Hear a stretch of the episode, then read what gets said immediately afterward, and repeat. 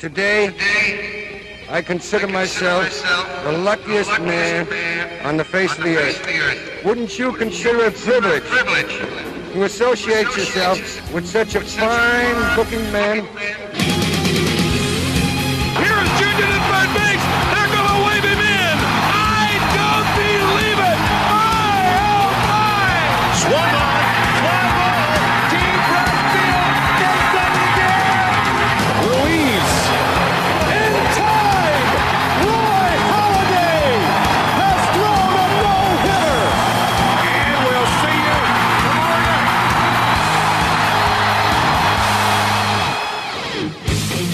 Hallo mensen. Welkom bij een ja, toch wel wat speciale tussenaflevering, als we het zo moeten noemen, van de Just a Bit Outside podcast. Eh, normaal zijn we er één keer per week, meestal zo net na het weekend.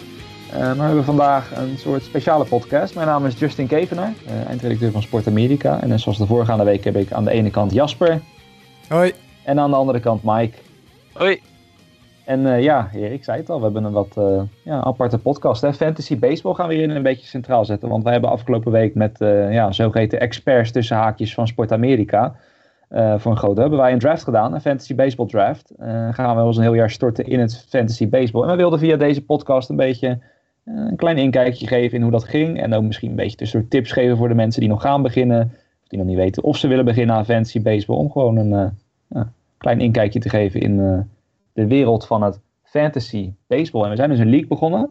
Eh, deels redacteur van Sport Amerika, ook geloof ik wat, wat ex-redacteuren. Eh, en nou ja, Jasper, jij was een beetje een van de aanstuwers eh, samen met Nick D'Alessi van deze Fantasy League. Dus misschien goed om even kort uit te leggen hoe het een beetje in elkaar steekt, deze league. Ja, het was inderdaad niks idee. Vorig jaar zaten we al in een gemixte league. Dat waren twee leagues waar in de ene league dan en wat Sport Amerika mensen en wat gewone fans zaten. En Nick had eigenlijk het idee van, nou, we gaan een, eh, een serieuze keeper league opstarten eh, met de Sport Amerika crew. Nou, dat is eh, min of meer gelukt. We hebben een 12-team league kunnen bouwen. Eh 12 teams, dus 11 daarvan zijn mensen die op een of andere manier geleerd zijn aan Sport Amerika. En eentje daarvan is geloof ik een teamgenoot van jou, Mike. Eh, een oud teamgenoot. Een oud teamgenoot. Oud teamgenoot, het verleden, ja. ja, ja. Kijk, nou ja, goed. We moesten één plekje opvullen en deze jongen die sprong daarin.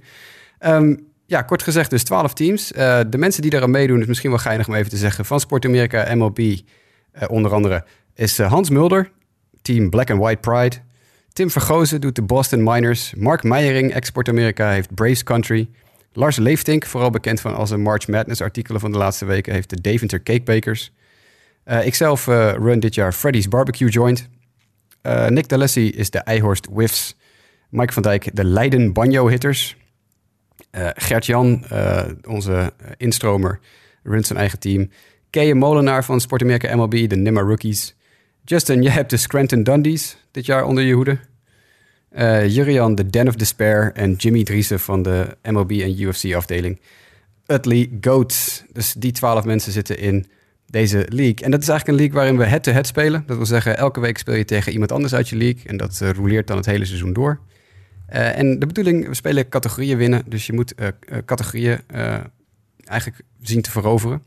We hebben tien categorieën uitgekozen, twaalf categorieën, ik weet het niet meer. we hebben in ieder geval, je kan runs verzamelen, home runs verzamelen, RBI's verzamelen, gestolen honken verzamelen. OPS, wie het meeste, het hoogste OPS heeft aan het eind van de week. Saves, strikeouts, ERA, whip en quality starts. Dat zijn onze statistieken die je kan winnen. Nou ja, goed. En als je natuurlijk aan het eind van de week uh, win je bijvoorbeeld uh, zes van die tien statistieken. Dan heb je 6-4 gewonnen en dan ga je naar de volgende week. Dat is eigenlijk het hele principe. Ja, oké. Ik vind in ieder geval mooi trouwens wel, omdat je net die namen afleest, dat iedereen wel een redelijk originele naam heeft uitgekozen. Ik weet niet of jullie dat wel eens eerder hebben gehad met, met baseball leagues of met fantasy voetbal leagues. Dat er altijd mensen, één of twee mensen zijn die dan van die standaard namen aanhouden, die, die je meekrijgt. Vind ik dan altijd toch een beetje jammer. Maar iedereen die is hier wel redelijk creatief geweest. Vraag me alleen wel af, uh, Freddy's Barbecue Joint. Waar komt dat eigenlijk vandaan? Uh, House of Cards. Oh, okay, ik weet niet of je de serie House nee, of Cards keek. dus niet. Dat blijkt meteen uit deze opmerking. Nee. Maar ik, in, in House of Cards, in House of Cards eet Frank Underwood, de president, eet regelmatig ribs. En dan gaat hij naar Freddy's Barbecue Joint. En aangezien ik Freddie Freeman gedraft heb, vond ik Freddy's Barbecue Joint wel toepasselijk. Oh, Oké. Oké, okay. nou goed, duidelijk, duidelijk. Ik probeer, ik probeer altijd een, een teamnaam te verzinnen met uh, een, een, link naar een speler in mijn team. Hmm. Uh, een paar jaar geleden had ik, uh, had ik Giancarlo Stanton en Lorenzo Kane. Dus was mijn teamnaam Payne en Kane. Payne, omdat ik eh, vind dat Stanton de bal pijn doet. Eh, en Kane natuurlijk Kane. Nou ja, dat team, dat had ik toen, het jaar daarna had ik eh, Stanton en Kane niet. Dus toen is het no pain, no Kane geworden.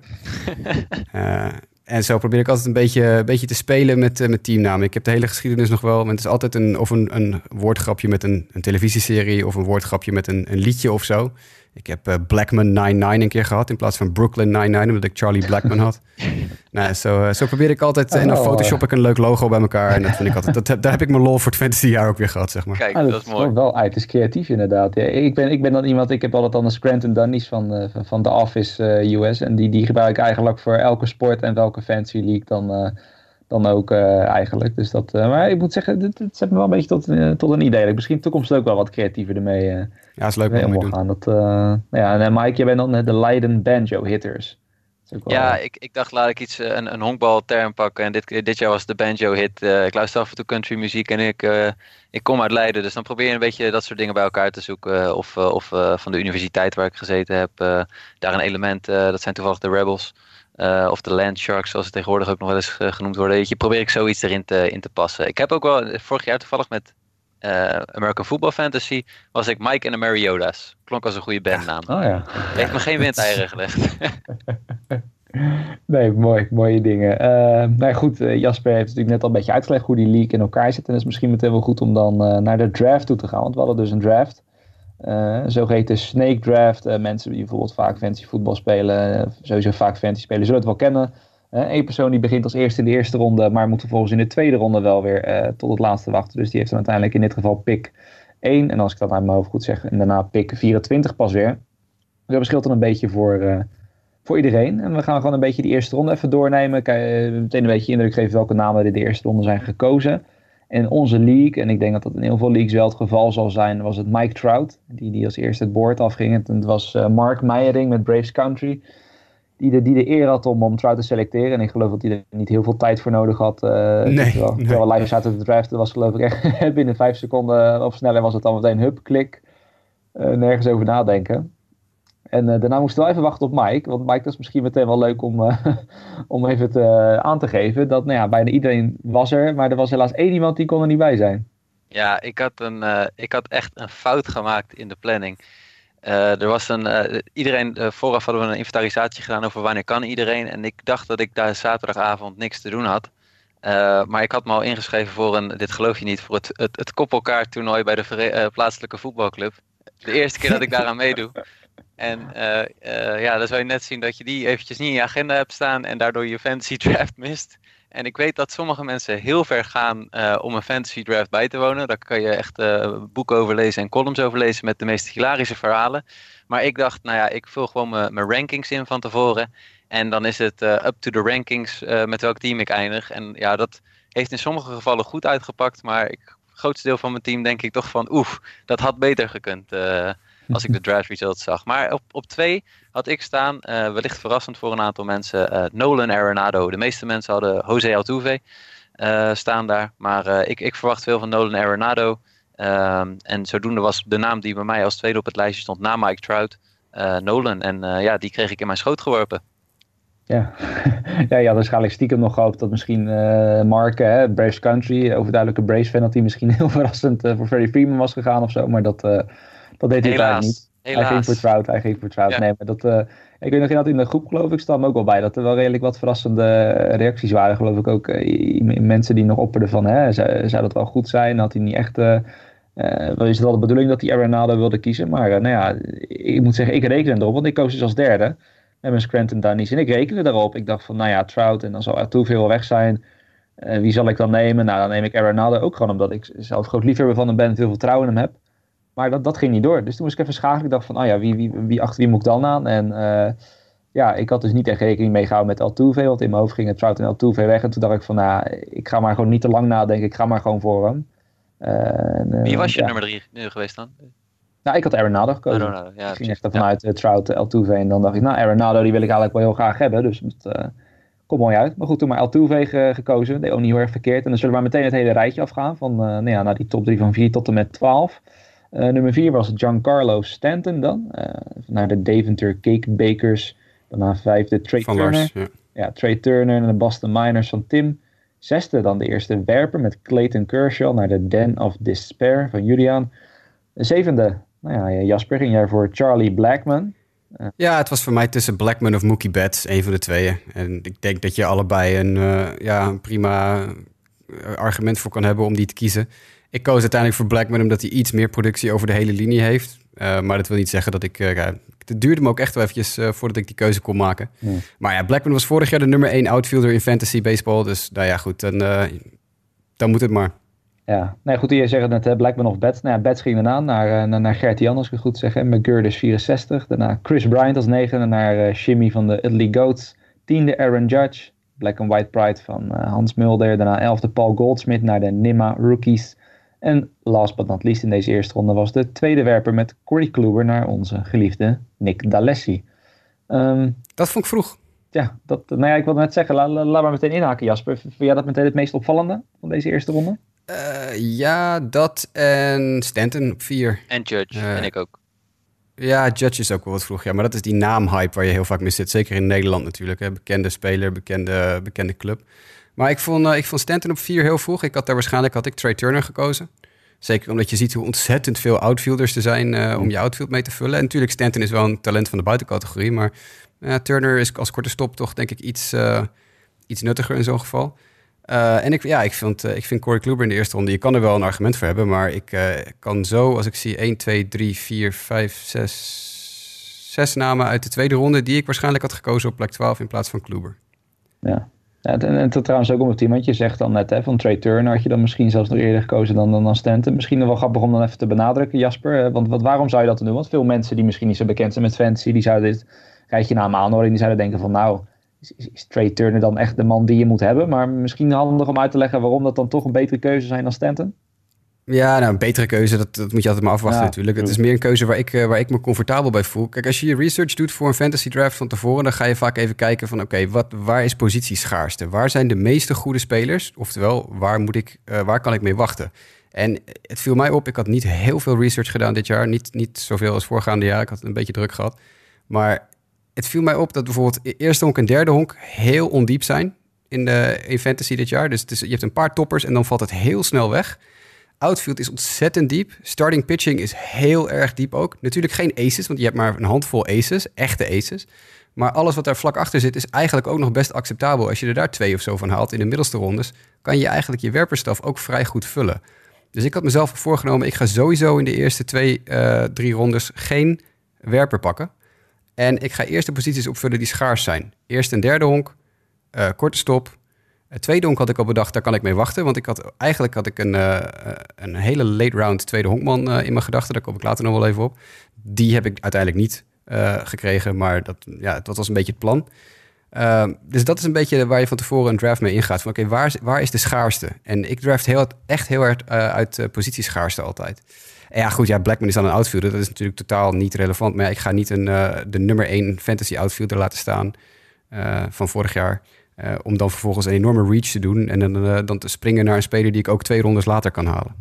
Ja, nou ja, qua posities is het inderdaad wel goed dat je het aangeeft. Ik had zelf eerder gezegd ook nou niet heel erg zo, zo doen in verdiept. Ik weet nog wel dat ik geloof ik de dag van de draft uh, heb ik nog snel even wat, wat sleeper vooral doorgenomen en wat Hè, potentiële breakout players, dat soort dingen. Dat ik nog even die laatste... Ja, daar had je mij toch al voor gehad? Ja, dat ik jou deels voor had inderdaad. Dus dat was wel goed. Ik had al een shortlist. Er komt zo'n nou, karma verhaal, mensen.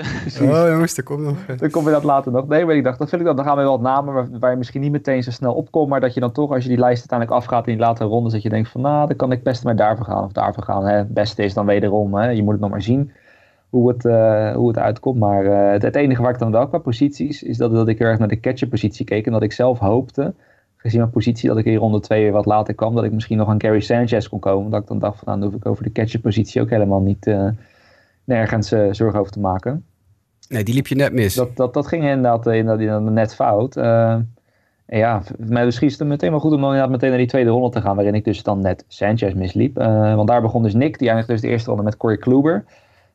die mag dan meteen in de tweede uur beginnen. Koos hij voor Bryce Harper. Daarna Carlos Correa als tweede naar de Nima Rookies, of eigenlijk als veertiende dan inmiddels. en daarna Max Scherzer naar Hans Mulder.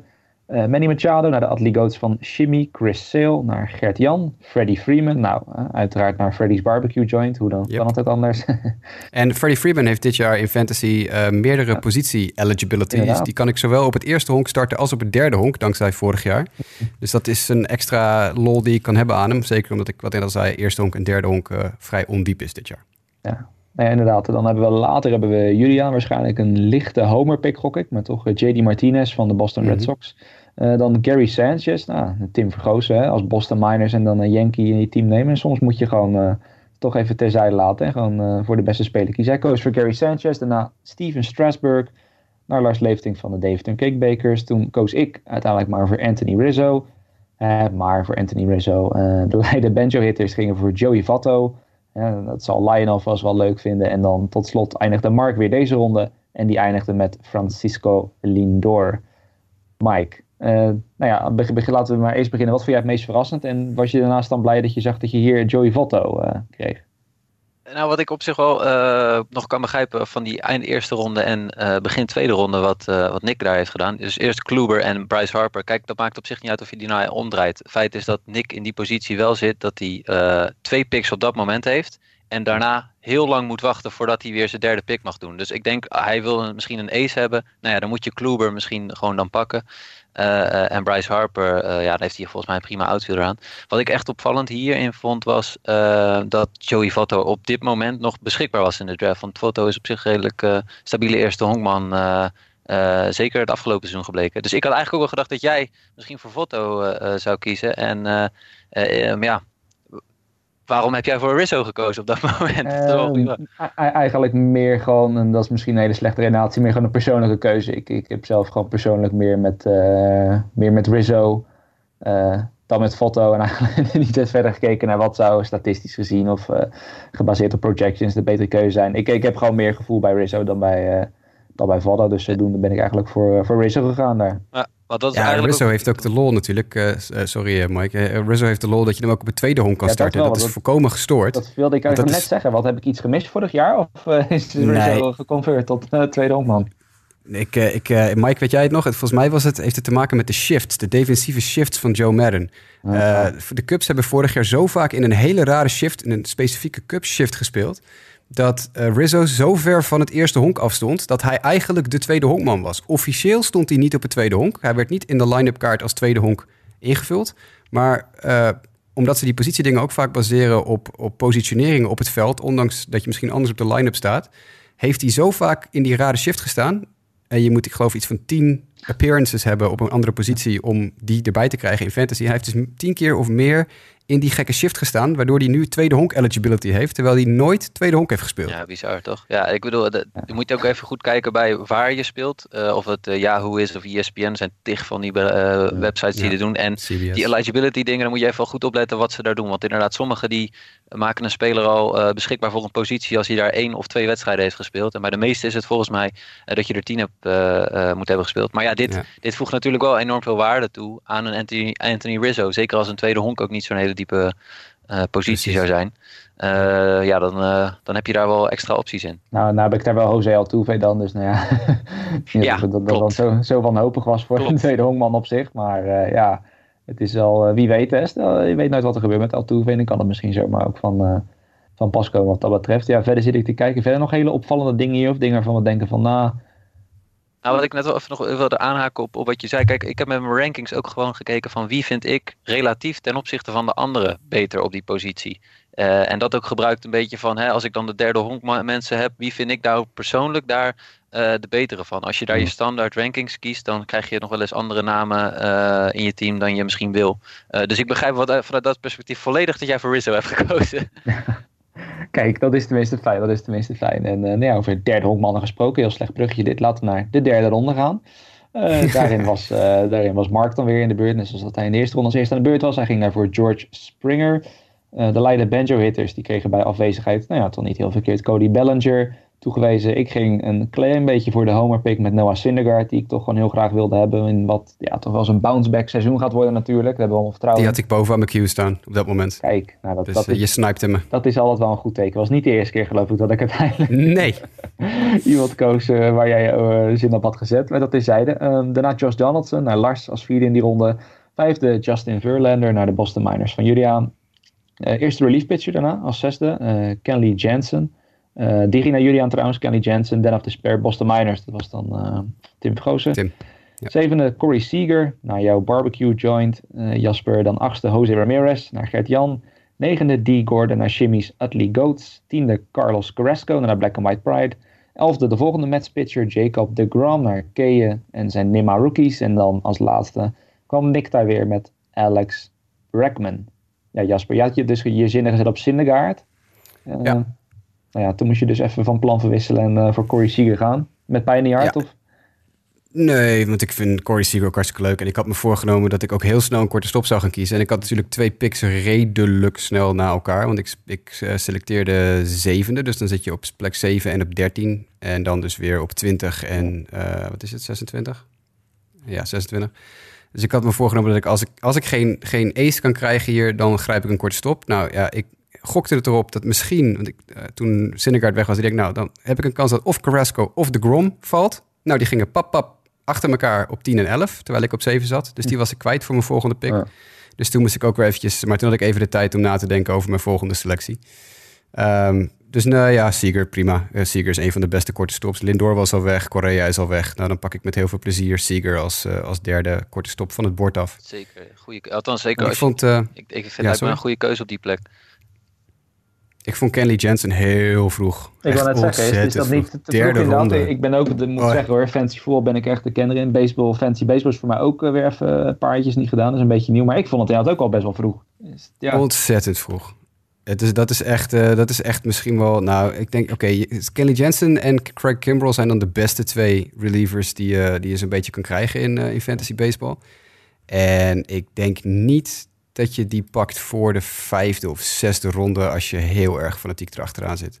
Ik zal even voor de gein, ik zit nog in een andere league. ESPN, kijken. ESPN heeft, had hem trouwens volgens mij in een, in een points league eh, wel als een top 10 speler staan in hun, eh, in hun rankings. Dat vind ik wel van Ja. opvallende. Maar ik zou doorgaans ook voor closers, daar zit altijd een hoog risico in. Nou is Jensen eh, wel een van de meer eh, reliable eh, Nee. spelers wat dat betreft samen met Kimbrel. Maar ik zou eigenlijk de eerste 5, 6 rondes pak ik zelden een reliever.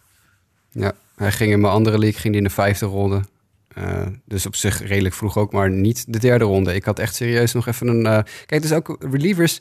Tuurlijk, het is leuk om een Craig Kimbrell of een Kenley Jensen te hebben. Maar relievers zijn de a dozen. Hè? Ik bedoel, closers raken zo ontzettend snel hun baan kwijt. En natuurlijk Jensen en Kimbrell niet. Maar ja, ik heb eigenlijk altijd de strategie... ik ga halverwege die draft een keer zoeken naar closers. En eh, als er een paar leuke tussen zitten, pak ik er één of twee achter elkaar... en dan ga ik me daarna weer focussen op de rest van mijn team. Maar als het niet zo is, prima. Dan grijp ik aan het eind van de draft een Joaquim Soria van de White Sox of zo. Ja, ik bedoel, daar word je niet warm of koud van. Is geen Kenley Jensen natuurlijk. Maar die gaat ook zijn save kansen krijgen. En als je er daar dan drie of vier van hebt... dan heb je net zoveel saves als je uh, Kenley Jensen en Craig Kimbrell rondloopt. Dus uh, ja, goed, dan moet je investeren in twee of drie relievers meer of minder. Maar ik, ik betaal eigenlijk nooit voor closers, zoals dat heet. Ja. Nou ja, het is inderdaad, ik, ik zelf had dan thuis mijn draft uh, ook een beetje dat ik liever wilde wachten voor, voor closers en relief pitches in dat opzicht. Alleen ja, ik wachtte dan misschien weer te lang, want ik kwam uiteindelijk maar met één uh, echte, echte vastgezette closer tot nu toe. Uh, kwam, kwam ik eruit en waarbij ik dan zelf Addison Reed nog later heb gekozen ergens aan het einde in de hoop dat uh, de Fernando Rodney experience in Minnesota uh, van de rails afgaat, zeg maar. Yeah. dat Addison Reed heen kan stappen. Maar ja, het, is inderdaad een tactiek. Ja, nou, Julian wilde er blijkbaar heel erg vroeg bij zijn. En allicht speelt daar hè, ook misschien, kunnen Julian misschien ook een klein beetje in begrijpen, de, de, de, de, toch een beetje de bias mee. Hè. We willen toch graag misschien wel eens een Nederlander in ons team hebben. En ja, hij zag zich genoodzaakt om hier al voor Kenley Jensen te gaan. Nou, de invloed die zo'n pick heeft op een draft is best groot trouwens. Want mm -hmm. je ziet heel vaak, zodra de eerste van het bord gaat, dan komt er echt een run op closers. En dat zagen we natuurlijk ook. Nou ja, het werd niet echt een run, maar er, er werd meteen, bam, drie picks erachterna. In, in ronde vier ja. ging Craig Kimbrell van het bord af zo ongeveer. Uh, dat is natuurlijk iets meer dan drie picks, want uh, Kenley Jensen werd halverwege ronde drie gekozen. Ja. Uh, dan zie je dus wel meteen dat mensen in paniek raken van, oh shit, daar gaan de, daar gaan de relievers, laat ik ook maar relievers gaan pakken. En, uh, en dat is toch altijd een invloed die het kan hebben op je draft. Dus je kan, als je voor de mensen die zelf nog moeten draften, realiseer je zodra er een closer van het bord gaat, moet je in je achterhoofd alvast hebben: hey, let op, er kunnen nu wel eens heel snel heel veel closers weggaan. Ja. Dat je wel een, een backup plan hebt. En je Ja. hebt er maar een beperkt aantal die ook echt daadwerkelijk eh, money in the bank zijn wat betreft eh, saves. Dus dan, daar wil je niet eh, achter het net vissen. Ik heb het een beetje hetzelfde als wat, eh, wat, wat Justin is overkomen. Ik zit op dit moment maar met één closer in mijn team. Dus ik moet goed eh, in de gaten houden wat er beschikbaar komt. En daarom zitten we nu allemaal op de waiver wire te wachten totdat Butler Ja. aan onze kant eh Ja, Want wel, dat is dus in onze league nu, en dat zal in veel leagues wel het geval zijn, de enige closer. Omdat hij pas heel laat is aangewezen. eh, die nog in heel veel leagues een free agent is. Eh, maar goed, inderdaad, die zei het net in de vierde ronde. Craig Kimbrell ging als derde. Daarvoor ging dan Nick, die daarvoor Alex Bregman had gekozen. Die vulde zijn infield aan met Brian Dozier van de Minnesota Twins. Eh, daarna dat zal, eh, nou ja, Jimmy, eh, je zei het al van de UFC-redactie. Groot Phillies-fan. eh, die zal waarschijnlijk met pijn in zijn hart. Die Reese Hoskins al in de vierde Die ging helemaal los in de chat, joh. In de, de- Jimmy ging helemaal los in de chat. Die, die, die was zo ontzettend... Die was helemaal klaar mee dat Hoskins daar, eh, dat daar al ging. Ja, want dat is het inderdaad, dat hij zo vroeg gaat. En eh nou ja, Kay van de Nima Rookies, die coach Hoskins al. We zullen er zo even iets verder op ingaan. Daar is Kimbrel. Nou ja, Jimmy, die, die moest dus, ik weet niet of hij daar al van plan was om voor Hoskins te gaan. Maar die ging dan voor Luis Severino als vierde. Daarna Jose Abreu als vijfde naar Gert Jan. Als zesde koos jij Jasper voor Andrew Benintendi. Edward Encarnacion ging naar Julian. Eh, Chris Davis met een K van de Oakland A's ging naar de Boston Miners van Tim. Justin Upton ging naar Lars en de Dave de Kickbakers. Daarna Anthony Rendon. Die ging naar Semois. En Tommy Pham naar Mike. En tot slot Robbie Ray naar Mark van Braves Country. Ja, Reese Hoskins inderdaad. In de vierde ronde al. Dat was, eh, dat, dat was al apart, hè Jasper? Nou, was vroeg. Maar ik bedoel, eh, luister, ik ben de grootste Reese Hoskins, Reese Hoskins fan op aarde na Jimmy Driesen zo ongeveer. Dus eh, ik, eh, ik, ik, ja, ik, ik- hartstikke leuk. Maar ik vond het wat vroeg. Maar dat, dat geeft verder niet. Ik bedoel, dat, nee. deze ronde had ik niet zo heel veel beef mee, als ik heel eerlijk ben.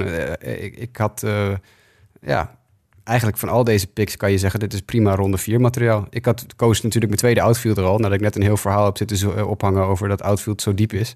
En ik realiseerde me op dat moment dat ik die keuze maakte van ja, dit is op dit moment de speler die ik wil hebben, maar dat is eigenlijk niet de speler die ik zou moeten draften. Mm. Ik had op dat moment eigenlijk bijvoorbeeld Anthony Rendon moeten kiezen voor op mijn derde honk. Daar was ik niet heel Eh. erg eh, ontevreden mee, nee, dat hij er viel. Want ik had toen, Ja. toen pas geloof ik het besef wat jij net zei, dat ik naar die derde honkman, hè, dan zit je een beetje die posities te scrollen.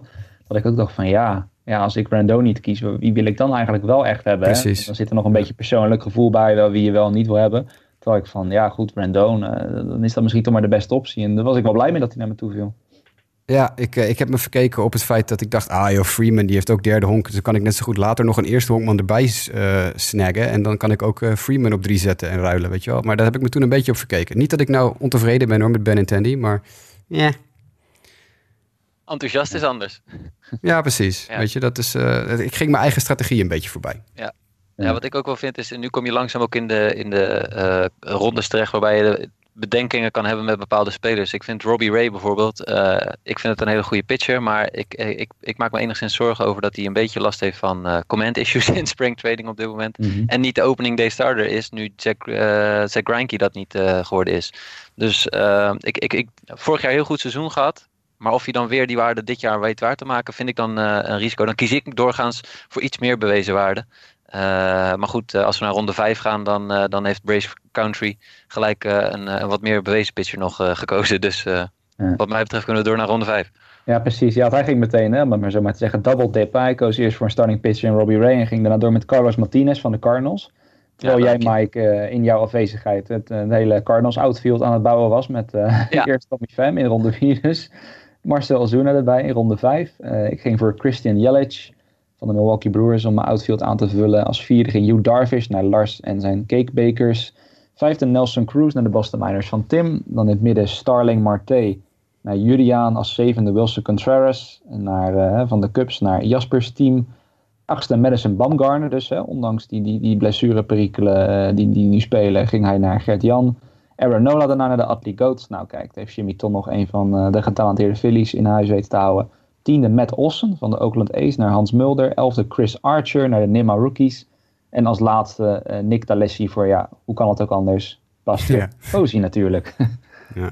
ja, Jasper, hier eh, dingen waar je wat over te melden hebt? Positief? Nee. Nou, ook weer een goede, een goede ronde. Ik, ik vond dat ook, uh, dit, dit vond ik opvallend dat er toch dat mensen duidelijk naar die draft zijn gekomen met een goede strategie. Ik, ik vond bijvoorbeeld de, de pick van, van Hans door die, die Matt Olsen koos. Mm -hmm. Ja, echt heel sneaky. Ik had serieus gehoopt dat Olsen nog een ronde langer zou blijven liggen. Maar hij was sowieso in ronde 6 weggegaan, want dan had ik hem gepakt. Dus ik vind wat dat betreft heeft hij dat ook weer precies op het goede moment de trekker overgehaald. Uh, verder, ja, eigenlijk alleen maar spelers die je in, in dit gebied ziet gaan. Hè. Ozuna, Jelic, allemaal prima. Nelson Cruz, heel veel home runs. ik koos hier voor de, de tweede catcher die van het bord ging. Nadat Gary Sanchez natuurlijk in de tweede ronde ging, was het voor mij in ronde vijf tijd om ja, de, eigenlijk de enige andere echte, nou ja, min of meer elite catcher op, te op te stofzuigen. Buster Posey natuurlijk vorig jaar een beetje een down jaar. Die kan natuurlijk wel weer terugkomen op zijn oude niveau. Maar ik, ja, ik denk dat dat Wilson Contreras dit jaar echt gaat uitbreken. Dus dan moet ik ook inderdaad maar even over mijn, een hand over mijn White Sox logo van mijn pet leggen en een cup daar, een cup daar kiezen.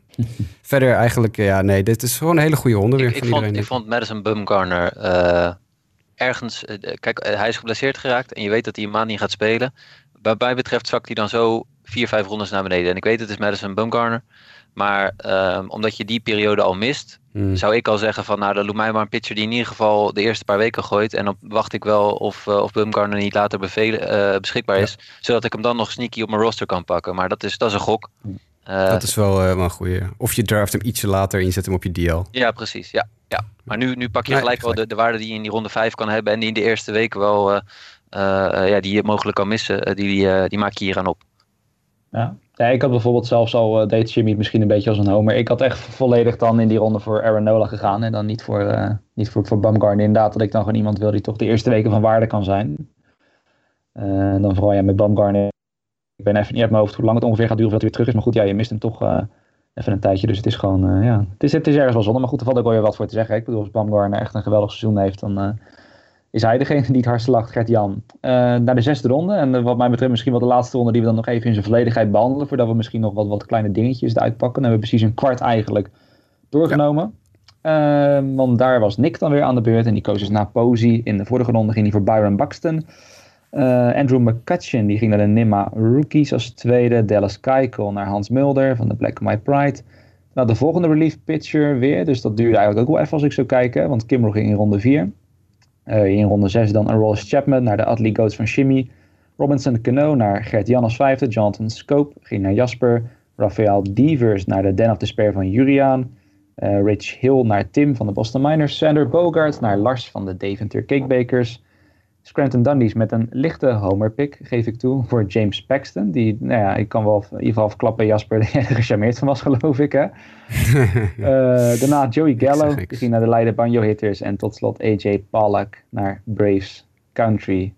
Um, nou ja, maar Mike ja. begint ditmaal anders wel bij jou. Jij, jij kwam hier met Joey Gallo eruit. Was dat wederom iemand die, die je vrij hoog op je lijstje had gezet? Nou ja, hij stond wel uh, op mijn lijstje, want anders had ik hem niet geselecteerd. Maar als ik nu terugkijk naar, die, naar de draft, uh, ben ik wel ontevreden over dat ik hem hier gekozen heb. En überhaupt over mijn eerste zes picks.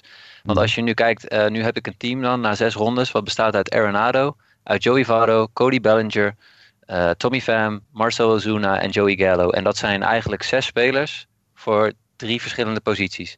Uh, ja. En aangezien je op niet iedereen uh, kan spelen, weet je nu al dat je een vrij vol team hebt. Ik had liever een tweede honkman ergens gehad en in ieder geval ergens een, een ace starting pitcher. Uh, maar goed, daar heb je op dat moment geen invloed op. Dus uh, als jullie een, een trade hebben voor een starting pitcher in de eerste zes rondes voor een van deze Kijk. spelers, I'm available. ja. ja, nee, dat is het risico dat je loopt ja, met autodraft inderdaad. Ja. ja. maar dat is, uh, dat, dat, ja, dat, dat weet je. Dus in die zin ook een tip voor de luisteraars van, weet je, als je je team draft, zorg dat je in ieder geval op de verschillende posities goed bezet bent en niet alles in de eerste ronde gooit op alleen maar corner infielders of iets dergelijks. spreid het een beetje uit. Ja. Ja. ja. voor mij kwam hier natuurlijk weer ook een streepje door mijn rekening. Want ik had dus eigenlijk bedacht van... nou, ik pak gewoon een van die tweede honkmensen die ik later wil. Ik, wil, ik, ik had overal targete ik uh, Ozzy Albies van de Braves. Hm. Maar ja, goed, ik had ook al een klein beetje in mijn achterhoofd zitten. Mark Meijering, die, uh, die ken ik een, een beetje qua hoe ontzettend de Braves-fan die is. En ik weet ook uh, vanuit de Fantasy League van vorig jaar... dat hij behoorlijk... Uh, achter de Braves aan kan zitten. Ik denk, nou, de kans dat hij veel te vroeg eigenlijk voor mij, naar mijn zin, Ozzy Albies gaat pakken, is eigenlijk best aanwezig. Dus ik denk, ja, misschien moet ik toch maar iets eerder een tweede honkman grijpen. Gelukkig koos uh, Gert-Jan voor Robinson Cano één pick voor mij, want die wilde ik gewoon helemaal niet. Ik, ik ben, sowieso ben ik een drafter. Ik, ik draft eigenlijk nooit oudere spelers.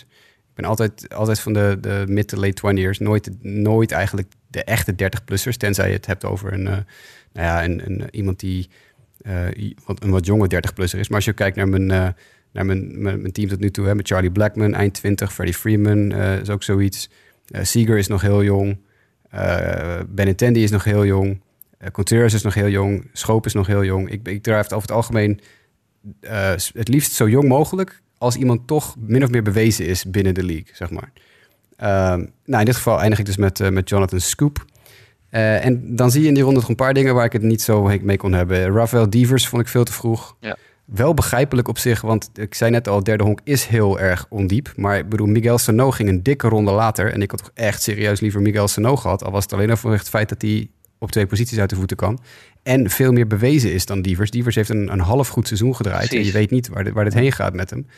Dus dat vond ik veel te vroeg. pick misschien wel weer. Dat is altijd wat grappig dat, je dat een beetje erin ziet. Want we hebben hier over Julian, uh, nou ja, een groot Boston fan uh, op, uh, ja, in veel sporten. Dus ik denk dat dat een rol speelt hier. En, en ik vond AJ Pollock in deze ronde ontzettend opvallend. Want die ging in mijn andere, een van mijn andere drafts, ik denk tien rondes later. Wauw. Even, even kijken. Die, die bleef echt heel lang zitten. Ja, die ging in ronde 17 in mijn andere draft. En die ging hier dus al eind ronde 6.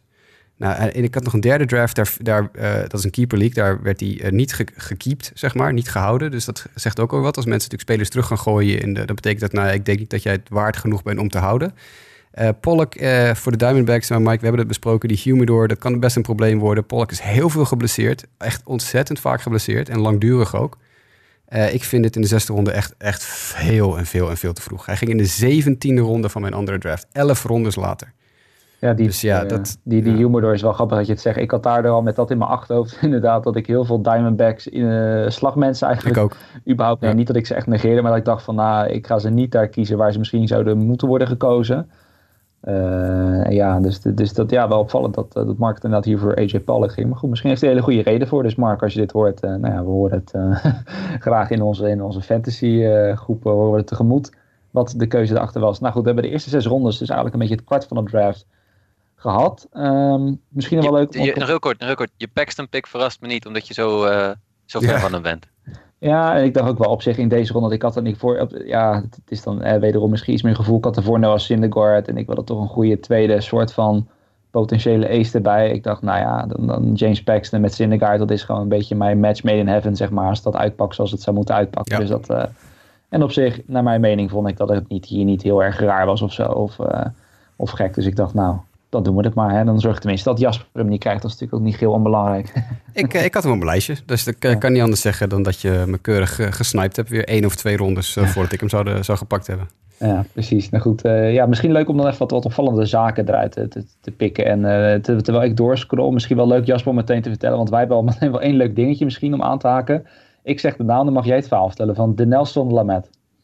Ja, uh, vaste podcastluisteraars weten dat ik een week of twee geleden tijdens de National League Preview die Nelson Lamet van de San Diego Padres heb uitgekozen als mijn breakout pitcher van het jaar zo'n beetje. Ik ben een ontzettende fan, heb ik toen gezegd. Ik, uh, ik zei toen letterlijk in de podcast, ik ga hem in elke fantasy league waar ik kan, waar ik kan draften, waar ik de kans krijg om te pakken, pak ik hem. Uh, en dat was ik ook van harte van plan in deze league. Waar het niet dat een zekere Ed JW Kev, de heer Kevenaar, het, het leuk vond om mij ja, eigenlijk het gras voor de voeten weg te maaien in ronde 17. Door hem ineens uh, op plek 3 in ronde 17 al te pakken. Terwijl ik, uh, nou ja, we hadden een draft van 24 rondes. Ik had toch nog wel de illusie dat ik hem misschien in ronde 20 of 21 uh, op zou kunnen vegen. Daarbij even vergetend dat ik natuurlijk met jou in de podcast zit. Maar goed, uh, Karma heeft, uh, heeft zich alweer uh, laten gelden. Want ja. Dina Solamet is geblesseerd. En is er toch zeker een week of drie, vier, vijf, misschien wel langer uit. Misschien wel korter, misschien wel langer. Maar ja. dat is de, de inschatting die nu is.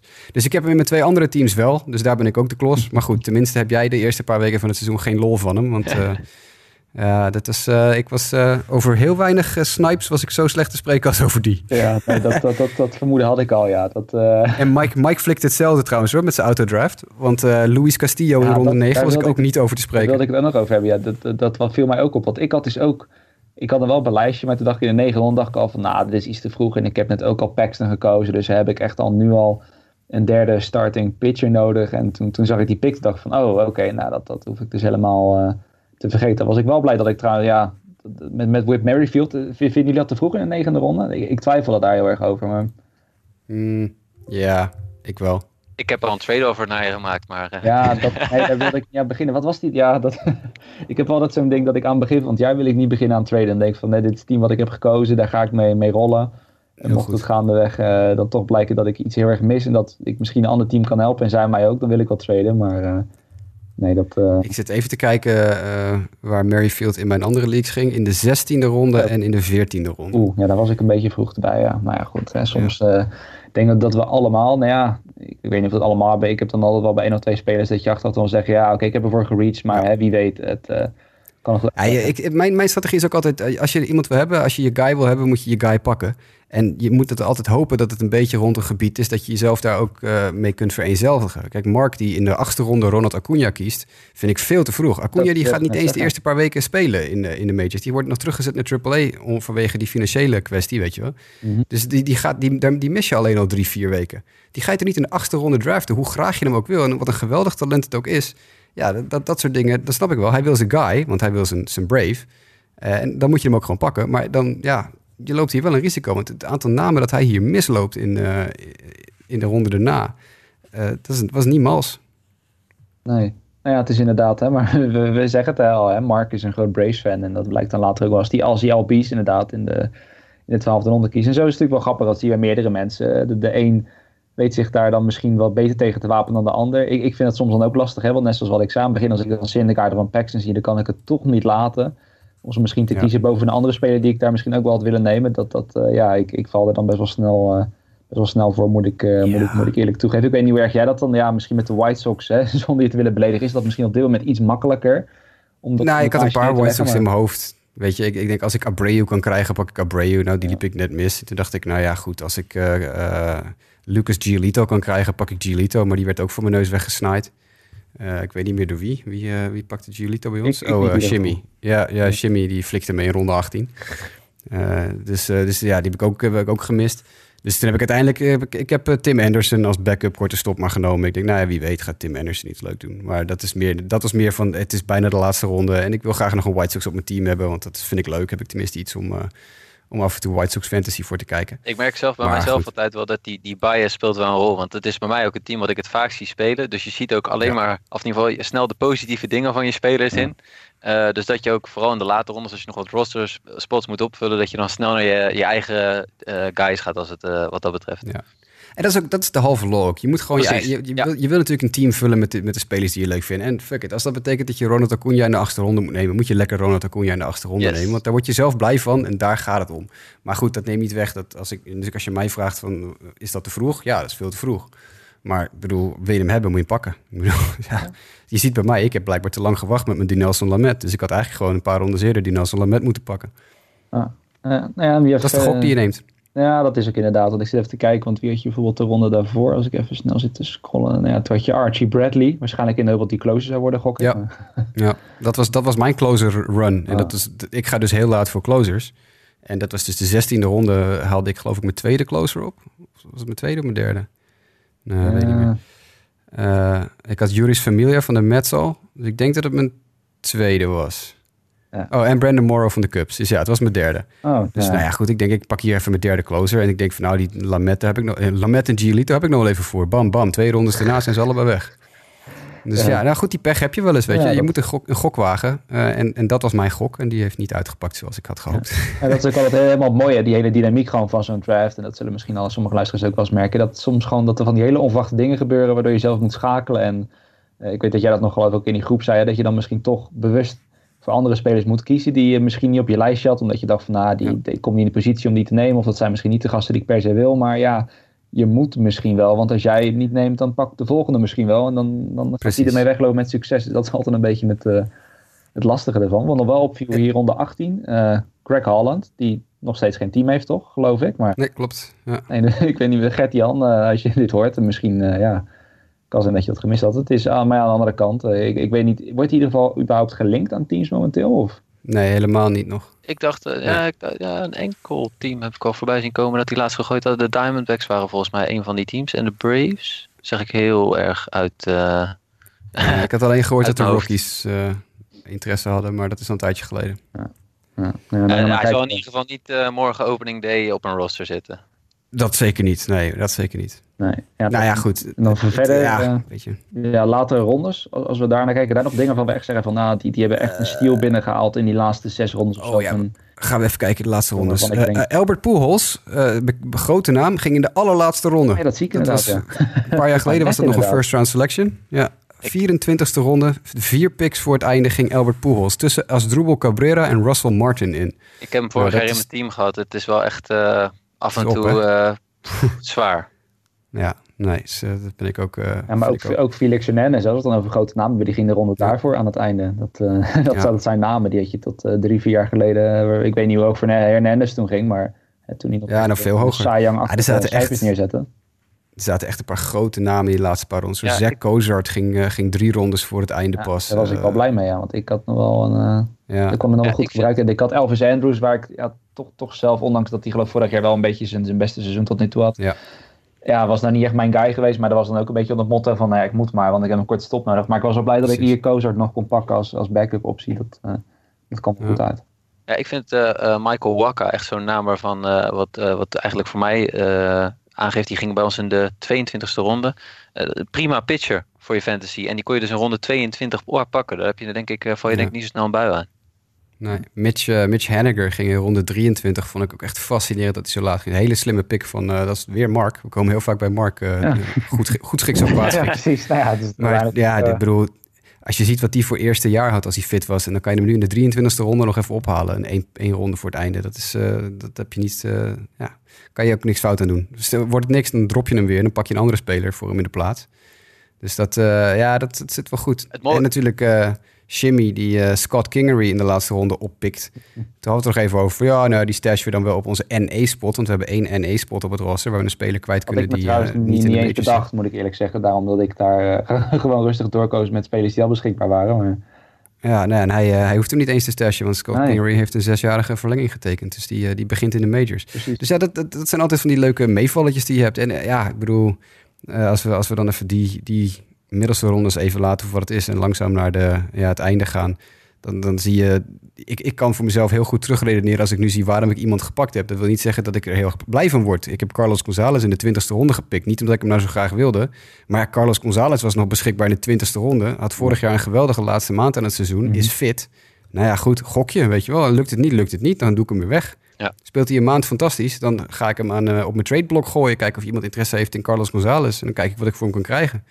Ja, dat zijn van die gokjes die je in de laatste rondes moet nemen. Ja, Ja. precies. Ik, Ja, ik, high upside guys. Hè? Ja. Ik heb in de 19e en 21e ronde heb ik twee Braves pitchers gepakt. Luis Gohara en Sean, New Sean Newcomb. Nou, dat is puur voor de strikeouts. Ik bedoel, gaat het goed, dan gaat het goed. Gaat het niet goed, nou, dan drop ik ze weer.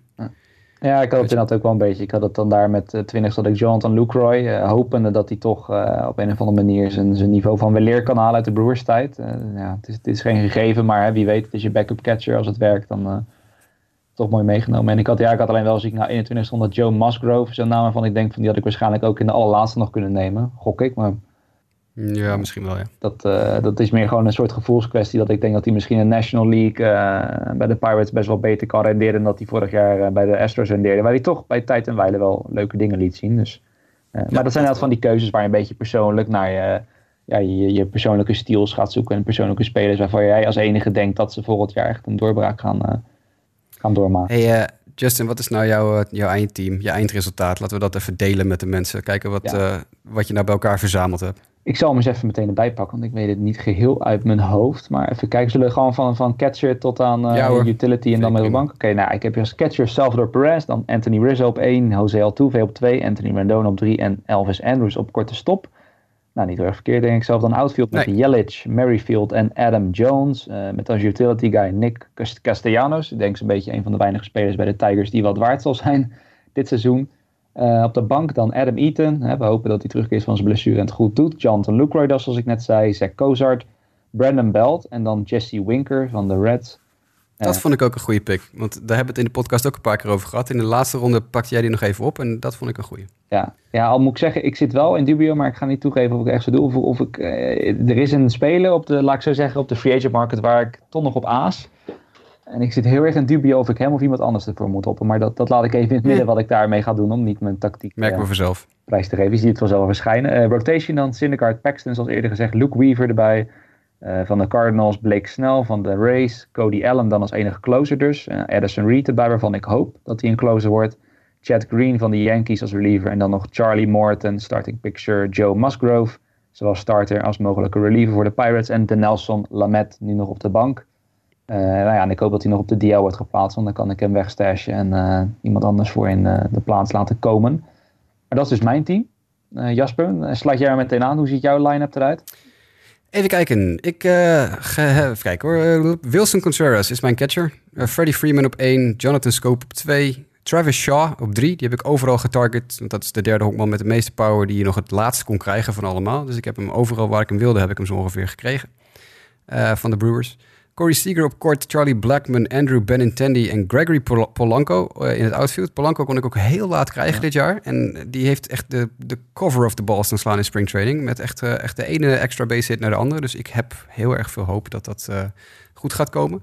Mijn DH is Justin Smoke, die ik in de veertiende ronde nog op kon rapen. Dat vond ik echt absurd laat. Ik denk, ja, ik wil eigenlijk Justin Smoke helemaal niet. Maar in de veertiende ronde is er niemand anders die ik hier eigenlijk wil. Dus, dus nou ja, doe maar Justin Smoke. Eh, mijn bank is Trey Mancini, vorig jaar breakout bij de Orioles. Bradley Zimmer, de rookie vorig jaar van de Indians. Carlos Gonzalez en Tim Anderson. En ik heb één minor leaguer gestashed in onze NA-spot. Dat is Willie Calhoun van de Texas Rangers. Vaste luisteraars weten dat ik eh, zeer gecharmeerd ben van Willie Calhoun. Ja, dan heb ik dus zeven eh, outfield kwalificeerbare spelers op mijn roster. Maar die kan je ook traden en je kan ze droppen als je ze niet meer wil. Mijn rotation is, is mijn zwakke punt, want ik heb er vier. En dat zijn Zach Greinke, Garrett Cole, John Lester en John Gray. Nou, dat zijn allemaal verdienstelijke pitchers, maar er zit wel wat risico aan. Vooral Greinke, je weet niet welke kant hij op gaat. Uh, John Gray uh, is een, strikeout monster, maar dan moet hij wel fit blijven. Uh, Cole is een beetje middle of the road. Lester, ja, ook een beetje middle of the road. Kan je niet echt een bijl aanvallen. Mijn closers zijn Brandon Morrow van de Cubs, Familia van de Mets. En ik heb nu dus nog Archie Bradley. Maar zoals ik al heel open heb gezegd, ik heb een claim ingediend voor Brad Boxberger. En dan heb ik nog Luis Gohara en Sean Newcomb van de Atlanta Braves, die ik al genoemd heb. En op de bank zit Alex Reyes van de Cardinals. Kijk, ja, nee, je bent in ieder geval niet de enige, maar dat verklapte ik net al, hè, die voor Boxburger een claim heeft ingediend. Dus het zal bij ons binnen, ja, gaan benieuwen wie hem uh, kan gaan oppikken. Dat was misschien wel grappig om misschien aan te duiden voor de luisteraars. We hebben dus dan een free agent uh, pot als het ware. En iedereen die heeft een vastgesteld bedrag. Ik geloof dat het op 1000 fantasy dollars dan staat. Hè. En nou ja, dan al die mensen die dus een claim indienen, degene die uiteindelijk het hoogste bod ja, voor Boxburger geeft, die, die krijgt Boxburger toegewezen. Maar goed, dat gaat dan wel van je, van je te goed af. En dan is maar de vraag of je uiteindelijk aan het einde van de rit niet te veel eraan hebt uitgegeven. Wanneer je misschien echt wat steals van de waiver kan afhalen. Dat gezegd hebben we dan, Mike, jouw autodraft team. Wat heeft je dat opgeleverd? Ja, een, uh, een kleurrijk gezelschap. Waarbij ik in ieder geval vast uh, kan aangeven dat ik ook een, uh, een pot heb gedaan op Brad Boxburger. Kijk. Maar, Populairste pick. Ja, precies. Uh, de Diamondbacks hebben dat bewust even meegewacht tot na onze draft met het bekendmaken daarvan. maar als catcher heb ik uh, Robinson uh, Chirinos van Texas. Op de eerste honk Joey Votto. tweede honk Ian Happ van de Chicago Cubs. Derde honk mijn eerste ronde pick Nolan Arenado. Korte stop Chris Taylor. de outfielders die ik heb staat Cody Bellinger, want die is nog outfield eligible door zijn wedstrijden vorig jaar die hij veel daar heeft gespeeld. Tommy Pham en Marcelo Zuna. Dus dat is wel een beetje een risico, twee spelers van hetzelfde team. Uh, utility slot is Joey Gallo. En dan op de bank heb ik uh, Jake Lab van Arizona, derde honkman. Uh, Max Kepler, European Baseball. Logan Morrison heb ik ook nog. En ehm, Steven Souza Jr.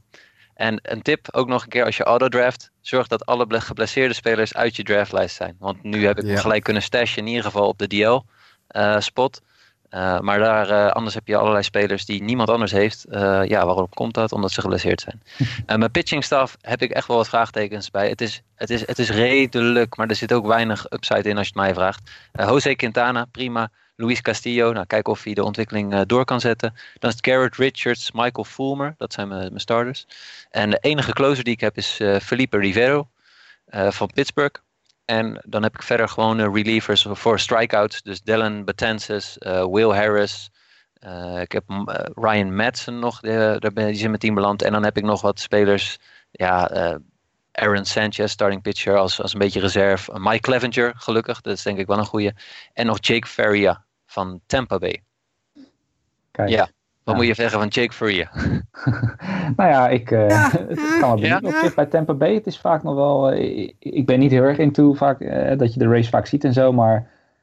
elk jaar weten we toch wel van de jonkies. Dat was ook een beetje de reden dat ik op de Blake sneltrein was.